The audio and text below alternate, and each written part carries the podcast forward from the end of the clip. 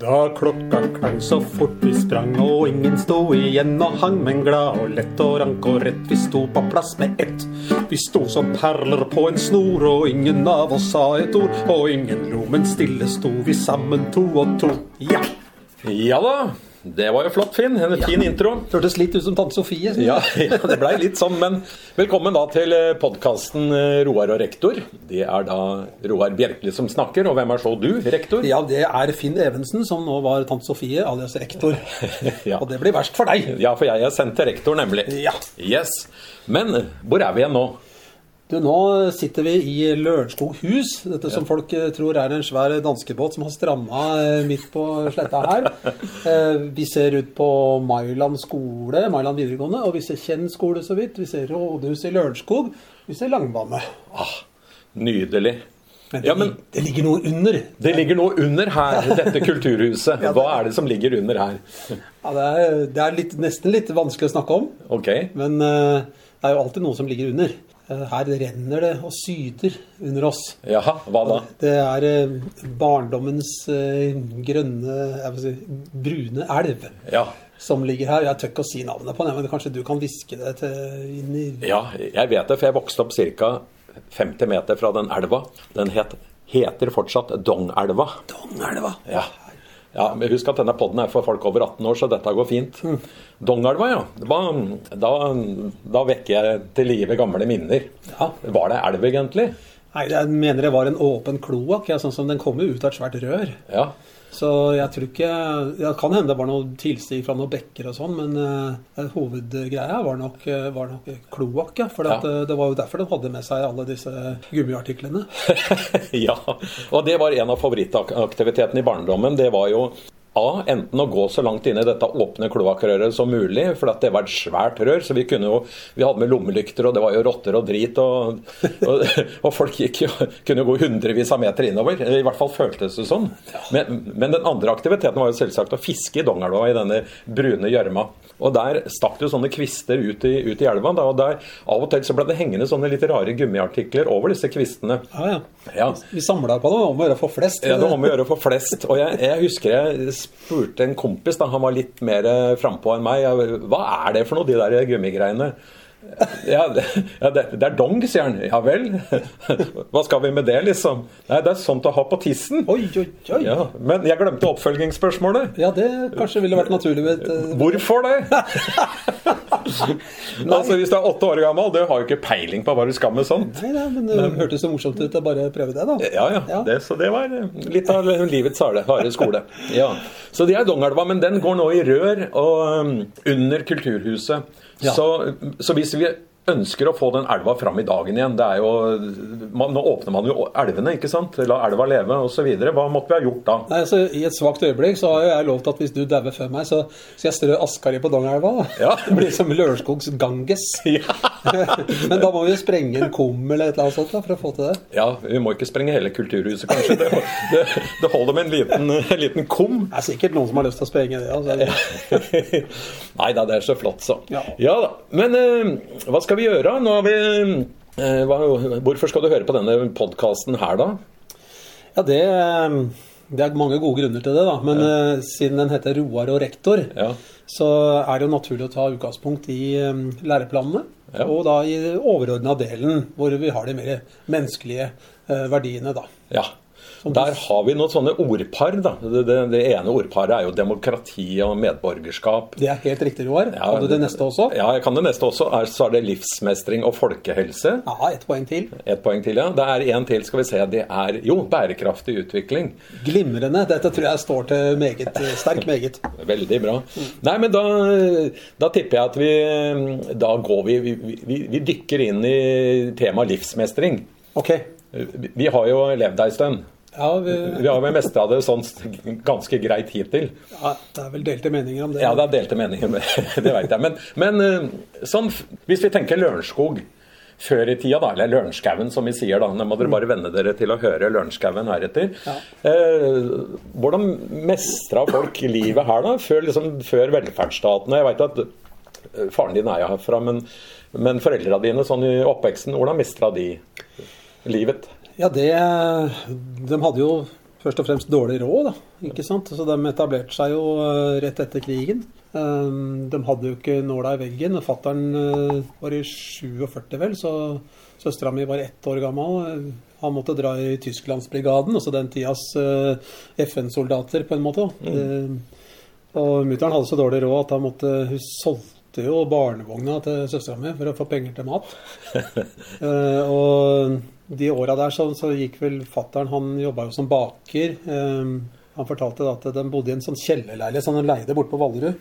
Og da var det så kaldt at uh, når han skulle stå opp om morgenen, så, hang alltid pysjen fast i, i, i muren, altså i, i, veggen, da, rett og slett. Så måtte røske den løs uh, for å Han hadde fryst fast? Han hadde fryst fast. Det kondens, da, vet du. Ja. Så, ja, nei, det var harde bud, men de mestra jo dette her, da. De, de gjorde det. Ja, de gjorde det. Den, de forrige generasjonene Jeg må bare En liten episode om fattern. Han kom jo nordfra, fra Nordland. Han dro jo på lofotfiske allerede som 15-åring. Mm. Du kan tenke deg en januardag i, i 1941, det var første krigsvinteren. Så Han fortalte dette var en historie han kom med ganske seint, så det var tydelig at det ikke hadde satt noe preg på han. Men Eh, han hadde vært ute i en liten lettbåt og rodd sammen med en annen fyr. og De var ute sammen med to sjarker da, som hadde spent ei line mellom seg. Og da, og da skulle fattern ut i lettbåten og skulle ordne med noe garn og noen liner og noen sånne ting. Og så, så ser fattern eh, at, eh, at, lina strammer seg og kommer mot dem i full fart. Oh, Uh, og fatter'n rekker å rope til han som sitter med ryggen til. Da. 'Lina kommer!' Så han som satt bakpå, han rakk jo å dukke, men det gjorde ikke fatter'n. Så denne lina bare slo fatter'n rett ut av båten. Uh, du kan tenke deg havne i full oljehyre ute på Lofothavet en uh, mørk vinterdag i, i januar. Å, herregud, men de fikk jo De fikk jo plukka han opp. da, De tok en vel på Kleppen, tenker jeg. og fikk dratt den om bord i en av sjarkene. da. Og da kapteinen om bord bare sier 'ja, du får gå ned og tørske deg', og så er det på jobb i morgen. Ja. Det, var, det kaller jeg livsmestring. Det var, det var livsmestring med livet som, som, innsats. Vi har jo litt andre forhold nå, gudskjelov. Men eh, jeg kan jo følge opp med bestemora mi. For hun eh, skulle jo opp her og besøke dattera si, altså mora mi. Eh, og, og, og så hadde hun ikke penger til toget. De bodde i Mandal, de, skjønner du. så mm. Da måtte jeg jo ta toget til, til Oslo og så bussen ut der. Men hun hadde penger ene veien. Mm. Men siden dette var rett før jul, så gikk hun ut i, i Furulund, det er en liten, liten skau som ligger i, i Mandal. da. Og der vokser det både kristtorn og sånn gyvel. Mm. Og det, hvis man lager fine sånne buketter av det, så kan man selge det på torget. Så hun plukka en sekk med gyvel og kristtorn. Og så når hun kom til Oslo, så gikk hun bare rett opp på Jungstorget siden det var rett før jul, og solgte disse her bukettene. Og da hadde jeg penger til toget hjem også. Så det er en måte å Altså, skal ikke forherlige gamle dager, men det tvang jo folk til å tenke kreativt da, i forhold til livsmestring. Ja. Ok, jeg har ikke penger, hvordan kan jeg skaffe det? Den der syns jeg var god. Ja, hun var... Du selger gyvel så du har til returbilletten. Hørte du det, Charter-Svein? Hvis du er stranda på Gran Canaria, så får du begynne å selge gyvel eller noe annet. Så har du til returen også. Uff meg. Mm. Men hva med livsmestring i dag, Finn?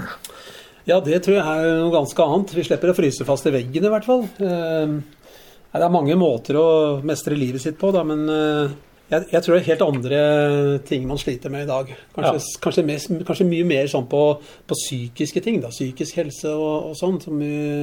Her i bygget bare, så hva finner vi her? Ja, Vi finner jo en haug med psykologer som sitter her oppe i 7. etasje. Ja. Eh, forebyggende psykisk helse, som de heter. Eh, så vi har jo et eh, apparat som tar seg av det, og det behovet vokser jo hele tida. Ja. Og kanskje er kravene til eh, skal jeg si, psykisk helse mye høyere i dag. ikke sant? Terskelen for funksjonsdyktighet da. Ja. De ligger muligens høyere. Ja, jeg bare tenker tilbake på fattern som ble tatt opp av Lofothavet denne vinterdagen og bare fikk beskjed om at du får gå ned og tørske deg. ikke sant? Ja. Han ble jo ikke tilbudt, det var ikke noe psykologhjelp og sånn, men samtidig så tror jeg det var, det var sånn det var. Det er vel sånn at uh, samfunnet på en måte sjøl er med å legge lista for uh, når man trenger noe, noe, noe hjelp til, uh, til livsmestringa si. da. Ja. Um, hvis du ser på Jeg har bare sett litt Dattera mi driver og følger bloggere og sånn. Eh, og youtubere. Og mange av disse kjendisbloggere, de, der ligger på en måte mer på at øyebrynene mine ikke får den fasongen jeg ønsker. Da, og det gjør det litt vanskelig for meg å fungere i hverdagen. Så vi er jo på et litt annet eh, nivå, kan du si. Mm. Eller hvordan er det med øyebryna dine? De begynner å bli buskete, ser jeg. Ja, det, det er godt dette er en podkast. Ja. det typiske radiotrynet. Ja, typisk radiotryne har vel du òg? Ja, takk skal du ha. Ja, ja, men eh, vi mestra vel, eh, vi som har levd en stund. Jeg tenker tilbake på oppveksten her på Solheim, da. eh, Som en gang i tida ble kalt Østlandets største narkosentral, med Solheimsenteret, da. Ja. Eh, Fortell litt om Solheimsenteret. Ja, Solheimsenteret ble bygd ca. sånn 71, tror jeg. Mm. Det har jo litt sånn gammel sovjetisk eh, Brezjnev-aktig eh, arkitektur. Og det ble bygd en bensinstasjon omtrent på samme tid. Og akkurat på den bensinstasjonen der trakk de opp Det var mye MC-folk på den tida, mye motorsykler, og de trakk opp fra Gro- Groruddalen. Og var utprega mye omsetning av eh, narkotiske stoffer. Mm. Av den klassen jeg gikk ut av ungdomsskolen, jeg gikk på Løknassen skole, så var det jo ca. 100 avgangselever, og 10-15 av dem har det jo ikke gått bra med. Eh. Halvparten av dem er vel døde antagelig nå. Ja. Sånn var det den gangen. Det er klart det var jo eh, Vi som flytte, kom flyttende til Lørenskaugen, da. Jeg kommer fra gamlebyen i Oslo og kom flyttende til Lørenskaugen fordi at eh, fattern hadde fått sin første jobb. Og eh, han fikk da valget mellom en 50 kvadratmeters eh, leilighet i Bærum og en 70 kvadratmeters eh, leilighet på Lørenskauen. Da snakker vi 1964, tenker jeg. Og gudskjelov at eh, gubben valgte Lørenskauen. Jeg, jeg kunne ha blitt Bærumsgutt. Å herregud, skjebne verre enn døden. Ja. Må du ikke bli. Men gudskjelov så ble det Lørenskauen. Og det var jo en, jeg må jo si, en flott oppvekst. Vi blei jo smelt sammen i ti boligblokker her rundt, som lå rundt Solheimsenteret. da. 40 familier i, i hver, eh, hver blokk. og jeg husker i Tierblokka. Tierblokka den, den som lå rett ved Dongelva. Eh, ikke bare bare Dongelv, men vi hadde til og med et aluminiumssmelteri ca. 100 meter borti, i, borti veien. Ja, fy, det husker jeg. Det, og det måtte, Mutter'n måtte ta inn klesvaska hver gang det røyk fra pipa der. For ellers så ble, la det der støvet seg på, på klærne. Ja, og, og vi da som bodde rett ved mutter'n Mutter'n måtte jo henge ut vaska på søndager, og det var jo strengt tatt ikke, ikke lov. Så, men, men det ordna seg. Ja. Vi fiksa det. Ordna livet. Men det er klart det var nok litt eh, skjebner ute og gikk og, i de ulike boligblokkene. Jeg eh, husker jo at eh, unga av og til måtte hjem og hente litt fulle fedre. De satt og drakk på, eh, ute i Langvannet eller Pokerskauen. Eh, og slepte hjem fulle fedre. Det husker jeg så flere ganger. Eh, så det var nok litt av hvert da, inni disse blokkene. Men eh, det førte jo også til at vi fikk et eh, Vi unga da, på søndag formiddag som var dritkjedelig. Det var jo bare salmer og sanger på radioen, og ikke var det noe TV og sånn. Så hva gjorde vi? Jo, vi sykla rundt eh, til Pokerskauen bl.a. og samla tomflasker. Ja, det, det drev jeg med også. Ja, og så husker jeg vi bare venta med lengsel til Karlsen eh, åpna kiosken klokka ett. Da, og, og det var campingvogn til å begynne med, da, før han fikk eh, kiosken sin inn i Solheimsenteret. Så det var også en form for livsmestring. Det kan du, kan du si. Det gjelder jo å finne sine kanaler. Da. Og som jeg nevnte i stad, så er jo livsmestring annerledes i dag. Og særlig på det, på det psykiske, tror jeg. Da. Eh, I hvert fall det man ser av eh, på ungdom i dag. At det er noe de sliter med, så er det akkurat det. Ja. Og det skyldes jo Jeg skal ikke gå inn på det nå, men eh, det har jo som nettmobbing og uh, telefoner så Ja. der, du kan, der folk veldig raskt kan komme med Ja. med sjikanerende og sårende ting, da. Ja, du hører altså på podkasten Roar og rektor. Og vi, nå, eh, vi holder nå på med den overordna del av læreplanen. Og vi har snakka litt om livsmestring, og litt har vi vært litt inne på folkehelse i form av psykisk helse. Men bærekraftig utvikling er også en eh, viktig del av denne overordna del av læreplanen. Og du sendte meg jo et bilde i går. Eh, Det var litt eh, artig. Eh, Du sendte det. Og det var et opptak, eller et bilde av ei flaske med slåpetornsakevitt. Ja. Som du har laga sjøl, med Ja. egen etikett og greier. Ja, ja, man man må kose seg litt med design og sånn, da. Mm. Men det, var, det er min versjon av det som på engelsk heter slow gin. Altså Ja. slåpe-gin. da. Så det er masse ting man kan eh, moro kan, man kan ha med ting. Eh, jeg er jo glad i både slåpe og eh, jeg plukka også i året svarthyll, som vokser på Hvaler. Ja. Det er jo slåpe også. De vokser dessverre ikke noe slåpetårn rundt her på Lørenskog. Ja, men fordi at en viktig del av bærekraftig utvikling da, det er å tenke kortreist mat. Ja. Det er jo veldig inn i, i vinden. Og jeg vet at du er jo du har jo blitt eh, kjempegod på det her med å, å, å ete alt som vokser i veigrøfta.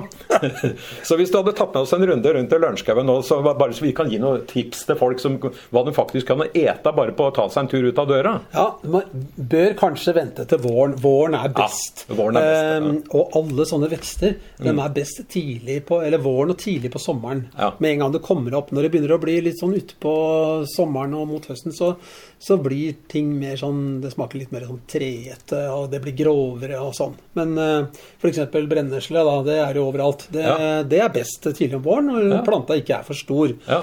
Og da lager du suppe, ikke sant? Ja, Ja. da kan du bare du kan behandle den omtrent som spinat. Den detter sammen så den blir veldig lite av den. Så Ja. må du passe på å ha på deg når du, når du plukker det, da. Ja, Hva annet kan du pelle mer av når du går en tur? Nei, og så er du ute en uh, maidag, så um, kan du spise f.eks. av lønnetrær. da.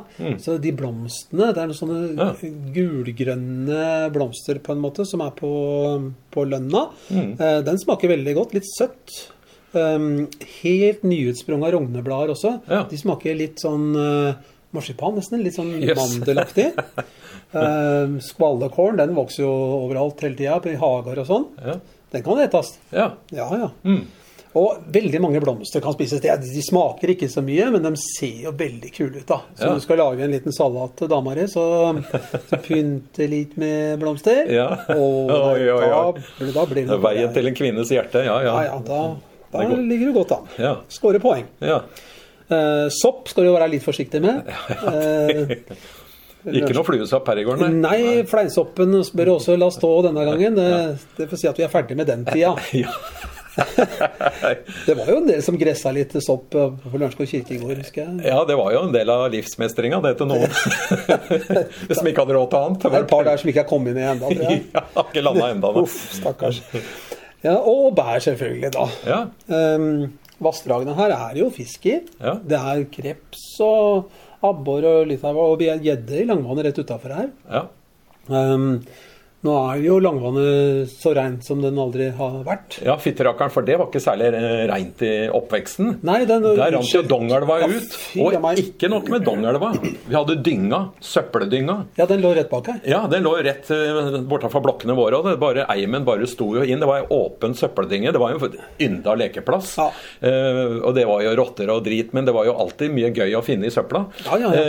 Eh, men eh, er det i dag, da? Med Nei, nå er det jo bedre. Nå er det jo kildesortering og, Ja. og, og en helt annen Det er jo Ragn Sells, heter det nå, da. Det er borte. Det er um, jeg tror det er full koll på, på greiene der, og dette blir tatt hånd om på en forsvarlig måte. Det er ikke noe avrenning der nå. Men det var jo det Skulle vi sykla på skolen til når vi gikk på videregående, Ja. sykla vi jo over der sånn, og den, hele den derre sumpa som ligger der borte hvor eh, McDonald's ligger nå, Ja. eh, der var det jo brunt og blått vann som lå i disse puttene der, og alt dette gikk jo rett ut i, i langvannet, ut til Fillamjelva Ja. og Sagelva og hva blir det for noe? Øyeren eh, og ut i Glomma. Ja. Ja, ja, for at Hvis du bada i langvannet på 70-tallet, så gikk du omtrent i oppløsning. Ja, nei, Eller du kom sånn sjøllysende opp av vannet. Ja, fy meg. Nei, men det var jo ingen som bada der da. Nei. Men nå bader jo folk der hele tiden. Nå er det badeplasser og blitt kjempefint. Her altså, Kortreist mat og god søppelhåndtering, det, Ja. det, der har vi kommet nå, syns jeg. Det er veldig fint. Ja, eh, Fisken i langvannet, hadde du spist den nå? Eh, De fraråder vel egentlig å spise for mye ferskvannsfisk i dette, disse områdene. Ja. Eh, Særlig det akkumuleres vel i, lever og sånn. Men hva med Losby og sånn? Innover i Losby? Det tror jeg går helt fint. der går det fint. Men det blir jo ikke altså, Du skal ikke basere kostholdet ditt på på gjedde fra vassdraget her, tror jeg. Det Nei. tror jeg ikke du skal. Så vi får hente litt Vi får dra ned til Oslofjorden og fiske litt makrell og sånn, da. Ja, jeg vet ikke om Oslofjorden er friskmeldt heller. Den er jo snart Der vokser jo snart ingenting.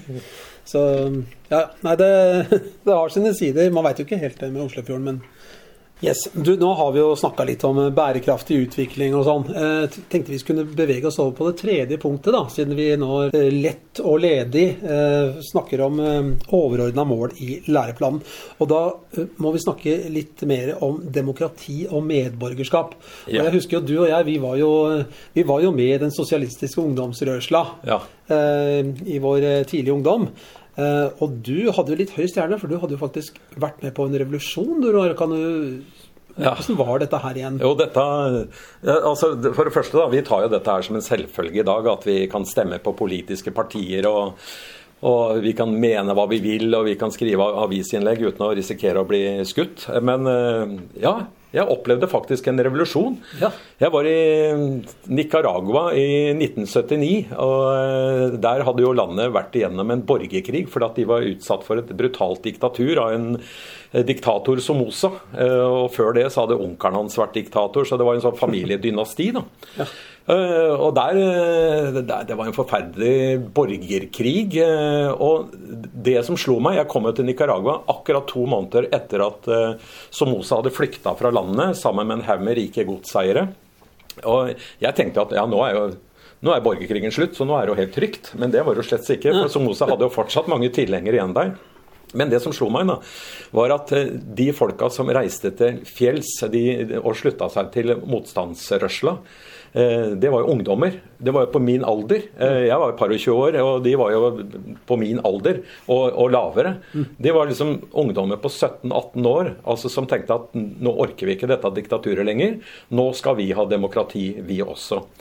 Så jeg må si jeg ble, ja, Livet for meg ble på en måte før og etter Nicaragua, da du så hva disse her ungdommene ofra. Mange av de ofra jo livet sitt for å bli kvitt denne forhatte diktatoren. og Eh, så det var jo en eh, relativt spennende måned jeg hadde i Nicaragua. Jeg syns jeg husker at du du, jo, du drev med om du skøyt i hjel ei høne, eller hva det var?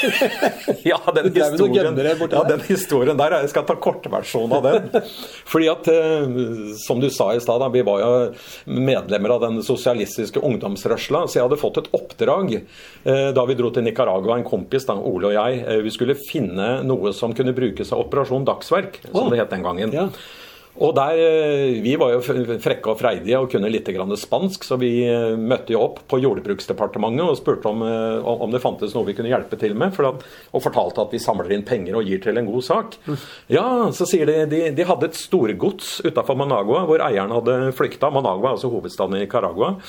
Og der var det Så skulle vi ut og se på dette her, da. Og da kom vi, da var vi Ole og jeg, og så var det en journalist fra Danmark som het Sissel, og så var det tre stykker fra dette jordbruksdepartementet. Og så merka jeg meg at han ene fra dette jordbruksdepartementet, det var jo nye folk, da, for de hadde jo hivet ut de gamle. Så nå var det ny regjering, sandinisten og greier. og Ting var ikke helt på stell, kan du si. Det var jo bare to måneder siden diktatoren hadde flytta, så nå bytta de ut hele maktapparatet. Han hadde, hadde, med seg pistol, så jeg, jeg lurte litt på det, da. Men eh, ja, det var ei, ei, spennende natt, eh, for å si det sånn, da vi kom ut til denne Det blei ei spennende natt. Vi kom ut, eh, kjørte av veien, måtte gå den siste kilometeren for å komme fram til dette godset som vi skulle se på. Og det endte jo med utover natta, for å ta kortversjonen, at vi måtte flykte. For det viste seg nemlig at det bodde en del diktatortilhengere på nabogården. Å, og de, de her folka fra Jordbruksdepartementet de fant jo ut at de kom for å ta oss i løpet av natta. Mm. Så vi måtte bare gå. Vi måtte bare stikke av i beikmørket. Ja, ute i bushen, da? eller? Hæ? Ute i bushen? Ute i bushen, ja. Det var i bushen. Det var jo jungelaktige strøk og alskens rare lyder og beikmørkt som i en sekk. Og eh, jeg husker jeg tenkte der 22 år gammel. Ja ja, da var det her jeg skulle ende mine dager. så jeg tenkte jeg, jeg syntes så synd på mutter'n og fatter'n. De skulle sitte der hjemme og ikke vite hvor det blei av meg. Så jeg vurderte faktisk å hive fra meg identifikasjonspapirene mine, så i hvert fall de kunne finne det etter meg. da. Oh, ja. Så de skulle finne ut, og som kunne gi beskjed hvis jeg hadde daua i løpet av natta der. Men etter noen kilometer da, så var vi jo helt utslitte av å gå i det der gjørmehavet. Og vi banka på til, på ei lita hytte, en slags, hvor det bodde noen eh, gårds gårdsarbeidere, som da tydeligvis hadde jobba på dette eh, storgodset og lurte på om ikke vi kunne få overnatte. da. Og ja, vi ble innlosjert eh, seks stykker da i denne jordhytta da, mens vi venta på at forfølgerne skulle finne oss. og da bestemte disse gutta fra jordbruks, Jordbruksdepartementet altså de, de visste hva de snakka om, for de hadde vært med i krigen. Ikke sant? Så de visste at dette kunne være farlig. Så vi skulle ha en sånn vaktordning da, hvor eh, fire skulle prøve å sove, og så skulle to sitte og holde vakt.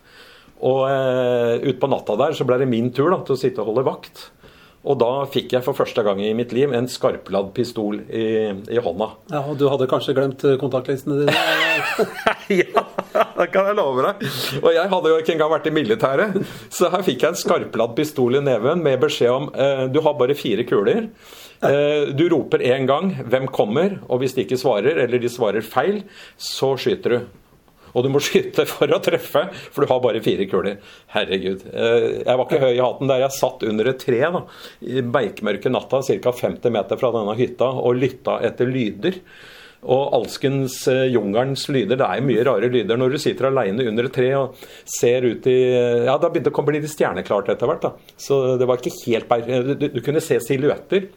Og jeg husker at eh, jeg kvakk til skikkelig én gang. Da hørte jeg en lyd bak meg, og så ser jeg en sånn, litt sånn hvitaktig silhuett komme mot meg. Og jeg kaster meg jo ned på alle fire eh, og sikter på, med pistolen. Og skal til å rope det kodeordet som vi hadde fått. da. For vi, vi, vi, skulle ved vaktavløsning skulle vi utveksle kodeord. Så jeg skulle da eh, rope hva er koden så, på spansk, og så skulle de svare Lampara negra, altså svart lampe. Okay. Ja, og jeg hadde jo selvsagt glemt dette kodeordet. Så jeg, så jeg, lå der på alle fire og sikta mot denne silhuetten, som da plutselig satte seg ned eh, under en busk og pissa. Og det, det, var da kona som, det han som innlosjerte oss. Da. Så der jeg kunne blitt drapsmann. Eh, jeg kunne ha skutt ei dame. Nei, eh, Nei, så det, det, var den historien om eh, revolusjonen i Nicaragua. Så folkens, vi skal være glad for Men ja. hvor fikk jeg den høna fra? Ja, den høna, jo, for den oppi det treet jeg, jeg satt under så satt en haug med, med, med, høner og en hane. De fløy oppi der. Og det var en gang til uh, i løpet av natta hvor jeg hørte noen lyder i huet over meg. Jeg visste ikke at de satt der. Plutselig så hørte jeg noen sånn voldsomme lyder oppi treet, så jeg kasta meg ned på bakken igjen og sikta opp i treet. og der var det en hane og haremet hans da, som satt. Ja, så det. Ja. Nei, så det jeg skulle si, folkens, vi skal være glad for at vi har demokrati. Du ja. slipper å eh, risikere liv og lemmer for å eh, Du kan stemme ved valg. Ja, det, det kunne du ikke i Nicaragua i 1979. Det er fort gjort å ta det for gitt, da. Ja, ikke sant? Og man ser jo liksom hvordan man eh, flytter grenser for, for demokratiet også. Så Senest nå ved valget i USA, hvordan, liksom, hvordan forholder man seg til fake news? Hvordan hvordan trenerer man valgresultater? Hvordan, liksom, hvordan ja. folk begynner å klamre seg til makta innafor noe de sjøl definerer som eh, demokratisk. Nei, men det var litt om demokrati og, ja, og medborgerskap. Eh, så folkens, bruk stemmeretten. Ja. Sett deg litt inn i sakene. Eh, enten det er kommunen, det er kommuneplanen på Lørenskaugen, eller det er de litt større sakene. Mm. Så vær glad for at du faktisk kan gå til ei stemmeurne og bli kvitt det de ikke vil ha, og så kan du stemme inn de du vil ha. Ja, fra revolusjonen i Nicaragua over til den cubanske revolusjonen. Dere husker vel den? Eh, alle revolusjoner har jo en eller annen sang som oppildner dem i kampen. Og på Cuba så hadde de en poet som levde på slutten av 1800-tallet, eh, som het José Martí. Han skrev denne teksten. Guantanamera, Guajira Guantanamera. Guantanamera, Guajira Guantanamera. Yo soy un hombre sincero, de donde crece la palma. Yo soy un hombre sincero, de donde crece la palma. Y antes de morir me quiero echar mis versos de alma. Guantanamera, Guajira Guantanamera. Er vakkert. Guantanamera, Guajira Guantanamera. Og kom syng med nå. Guantanamera, Guajira Guantanamera. Guantanamera, Guajira Guantanamera. Takk for at du hørte på oss, folkens. Eh, Roar og rektor sier ja. takk for seg for denne gang. Ja. velkommen tilbake i neste podkast, hvor Ja, vi fortsetter det- med den overordna del av læreplanen. Ja, det blir ikke så lenge til.